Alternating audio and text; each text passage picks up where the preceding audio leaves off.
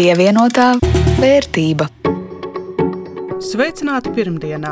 Ar jums kopā, kā šajā laikā jau ierasts, raidījums pievienotā vērtība. Raidījums par un ap ekonomiku, naudu un uzņēmējdarbību. Ar jums kopā Rudīts Pakausks no Latvijas televīzijas Un Jānis Ramāns no Latvijas Rādio. Par ko tad šodien? Par to, vai darba devējs drīkst mērīt temperatūru darbiniekiem un ko darīt, ja uzņēmumā kāds inficējies ar covid-19. Meklēsim arī datus par Covid-19 ietekmi uz ekonomiku, gan valstu, gan mājasemniecību līmenī, un, protams, pieskarsimies aktualitātēm un pāris citām tēmām. Piemēram, Cienījamie godātie kolēģi, balsošanas rezultāts par lēmumu projekts par uzticības izteikšanu ekonomikas ministram Jānim Vitsenbergam. Par 69, pret 6, atturas 2. Paldies, lēmums pieņemts. Apsveicam ekonomikas ministru Jāni Vitsenbergu.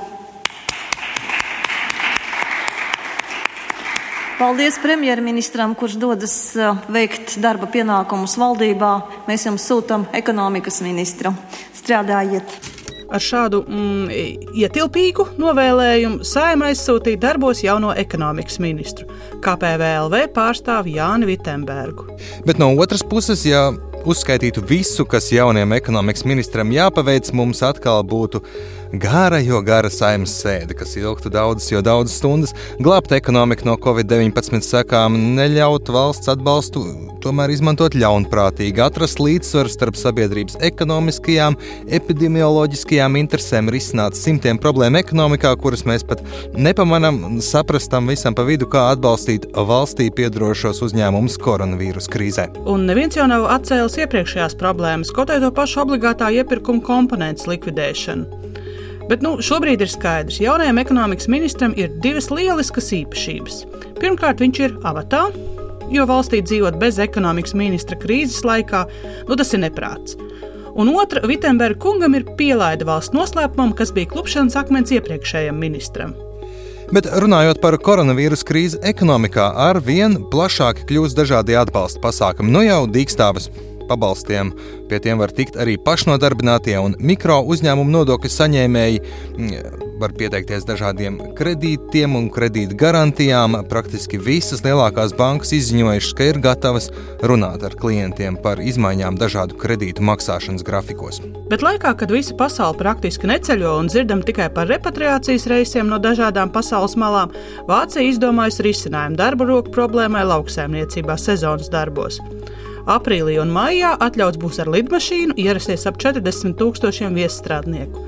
Darba devējiem būs jāpārbauda viesstrādnieku veselība, un divas nedēļas šiem strādniekiem būs jāturas prom no pārējiem. Un ir vēl viena laba ziņa. Degvielas cenas joprojām zemas un turpina krist. Naftas ieguvēja valsts gan sola sēsties pie sarunu galda un izbeigt cenu karus, bet pagaidām, kamēr viņas to vēl nav izdarījušas, varam baudīt lētāku degvielu. Ārkārtējā situācijā, ārkārtējas iepriekš neapzināts problēmas arī darba vietās. Un tagad, kad kļuvis skaidrs, ka tik ātri kā gribētos dzīve ierastajās sliedēs neatgriezīsies, rodas arvien vairāk jautājumu par to, ko drīkst un ko nedrīkst, ko nevajag un ko tieši vajag darīt darba vietās.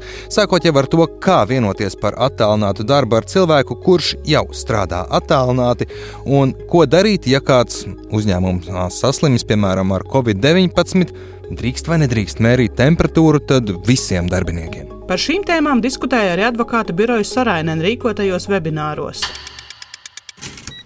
Te es gribētu atsaukties, kas uh, varbūt nav gluži juridiska atbilde, bet tomēr savs svars tai būtu, kā valsts prezidents Levita kungs uh, izteicās. Pēc, Prezidents teikto, ka ārkārtas situācijā prioritāte ir nodrošināt valsts darbību, un formālismam te nav vietas citai Andris Burkevits, zvērnāts advokāts. Šeit arī darbinieku un darba devēja attiecībās arī teikt, ka tas ir līdzīgi.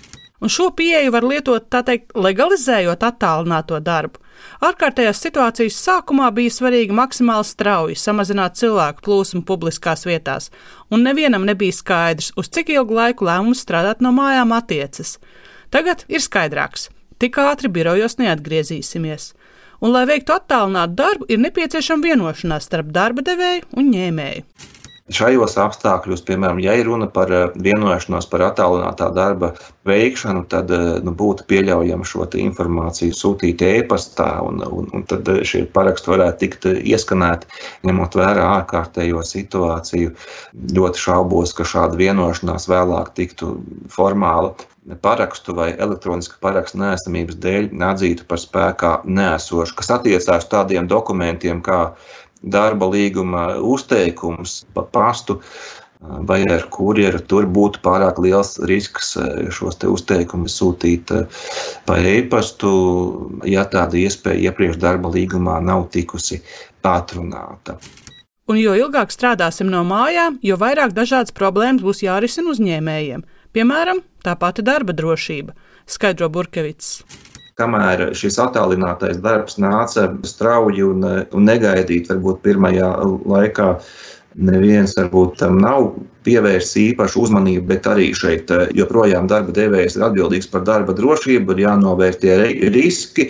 Protams, to varētu darīt arī attālināti. Jā, darbinieki var sūtīt eh, bildes, video. Protams, neviens nenāk šajos apstākļos un, un neskatīsies, kas tur notiek.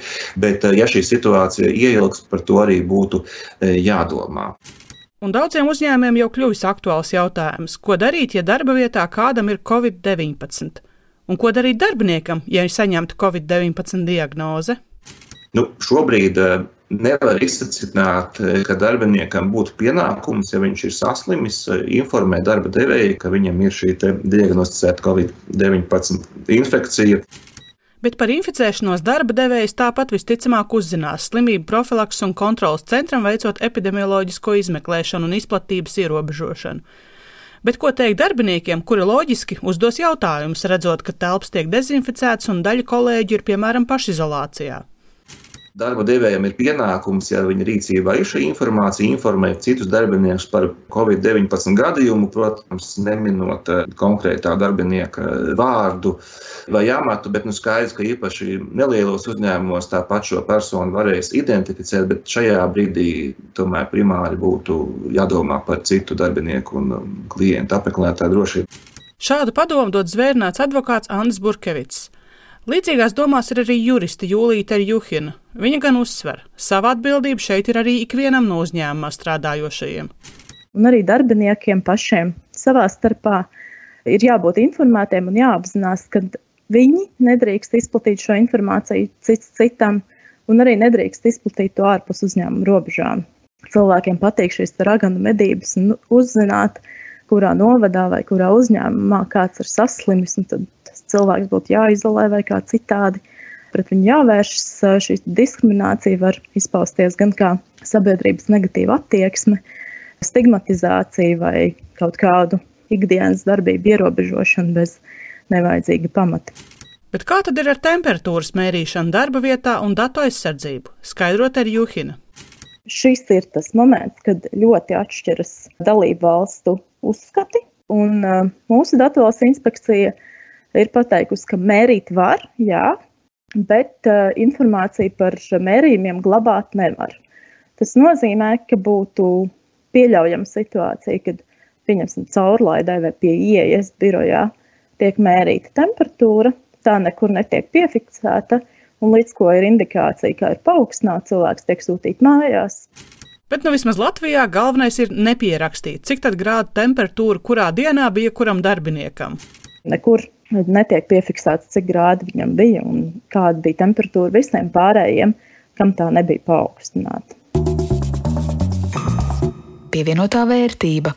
Nu, vēl parunāsim nedaudz par skaitļiem. Vai tad mēs jau to nedarām visu laiku? Nu, vispār darām, bet tagad darīsim vairāk nekā parasti. Šobrīd sāk iezīmēties reāli dati par to, kā Latvija un pasaule dzīvo koronavīrusa izraisītajā krīzē. Tā pagājušā nedēļa aktuāla pētījuma par to, kā ārkārtējais stāvoklis mainīs cilvēku uzvedību, prezentēja mobilo pakalpojumu sniedzējs LMT un Latvijas Universitāte. Viņu fokus gan vairāk bija uz to, vai cilvēki ievēro distancēšanās noteikumus un samazina pārvietošanos, bet tas jau neliedz par iegūtajiem datiem padomāt arī no citas skatu punkta. Un pētījuma galvenie secinājumi bija divi. Ja agrāk lielais zvanīšanas laiks bija ap 11 un ap 17. Tad zvana darba dienas pirmajā daļā, darba darīšanas un pirms braukšanas mājās droši vien, lai pajautātu, ko vajag nopirkt veikalā ieskrienot. Jā, iespējams. Jo tagad, kopš ārkārtas situācijas ieviešanas, šis otrais zvanu apjoms pīķis piecos vakarā ir pazudis.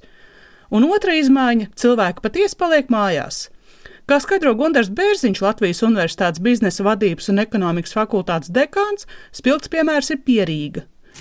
Rīgā ir ļoti būtisks samazinājums aktivitātei tieši tradicionāli ļoti aktīvajos reģionos. Ir milzīgs samazinājums lidostā, bet Mārupe, kur ir dzīvojamie rajoni, savukārt ir izteikts pieaugums. Babītē ir pieaugums. Jūrmalā kopumā ir liels pieaugums, tad cilvēki turpina palikt mājās un strādāt no mājām. Langstiņos ir aktivitāte, ādažos. Interesanti, ka ādažos teritorijas apkārt ādažu centram ir aktivitāte, savukārt Kadagā ir samazinājums. Piejūra un um, salkrasti, pabežu tūjā cilvēki vairāk nebrauc uz Rīgu un nestrādā, bet turpina aktīvi strādāt no mājām. Siguldā ir līdzīgi, Ogrē ir līdzīgi. Faktiski, ko mēs redzam, kad cilvēki nebrauc vairāk uz Rīgu strādāt, viņi paliek šajās teritorijās ap Rīgu. Un visaugstākie samazinājumi ir pats Rīgas centrs, lidosta, Ventspils, Rezekne, Alūksne un Kadaga. Tātad tās ir top vietas. Ja mēs paskatāmies vidējo samazinājumu šajās teritorijās, tad vidējais samazinājums šajās teritorijās ir vairāk kā 45%. 46, 47% tas ir samazinājums bet līdzīgas tendences ir arī pārējā Latvijā. Praktiski visos ekonomikas centros, kur koncentrējas darba vietas, var redzēt, centrā aktivitāte trūk, bet pieaug apkārtējās teritorijās. Cilvēki paliek mājās. Un tas potenciāli maina gan to, kur mēs iepērkamies. Nevis braucam uz tirniecības centru pa ceļam uz mājām, bet gan iegriežamies vietējā mazajā veikaliņā, vai ne? Jā, iespējams. Var mainīties arī maršruti kurjeriem, piegādātājiem un tā tālāk. Ej, nu sazini, kur tie tavi klienti tagad ir. Tik tālu par mobilo telefonu lietošanu, bet uh, domnīca Brūgele apkopojusi datus par elektrības patēriņa izmaiņām Eiropā. Latvijā pēc šiem datiem izskatās visai mierīgi. Lielākais kritums marta 4. nedēļā, kad elektrības patēriņš pēc Brūgela datiem krities par 5%. Nedēļu vēlāk, marta pēdējā aprīļa, savukārt pirmā nedēļa, Latvijā vairs tikai 1% kritums. Kā izskatās Covid-19 vairāk skartās valstis? Šīs valsts izskatās slikti. Elektrības patēriņš datos var redzēt ierobežojumus jaunākie dati par marta pēdējo nedēļu. Itālijā mīnus 31% patēriņā, Spānijā mīnus 19%, Lielbritānijā mīnus 17%. Bet kā Vācijā? Mīnus 7 ir Vācijā. Neizskatās labi. Nē, ne, neizskatās labi. Neizskatās gan, jo elektrības patēriņš ir labs indikators tādai reālai ekonomikas aktivitātei, jo praktiski jebkam, it īpaši ražošanas jomā, vairāk vai mazāk ir nepieciešama elektrība. Pievienotā vērtība un cerot, ka nākamreiz pievienotajā vērtībā varēsim stāstīt vairāk par labām ziņām ekonomikā, šodien no jums atvadamies. Ar jums kopā bija Jānis Ramāns no Latvijas radio un Rudīts Pakausks no Latvijas televīzijas. Par skaņu rūpējās Ulris Grīnbergs. Un atgādinu, ka mūs var klausīties ne tikai Latvijas radio ēterā, atrast LSMLV, bet arī Google un Apple podkastos. Kā arī ar mums sazināties var rakstot uz pievienotā punkts vērtība at Latvijas radio.cl. Pievienotā vērtība.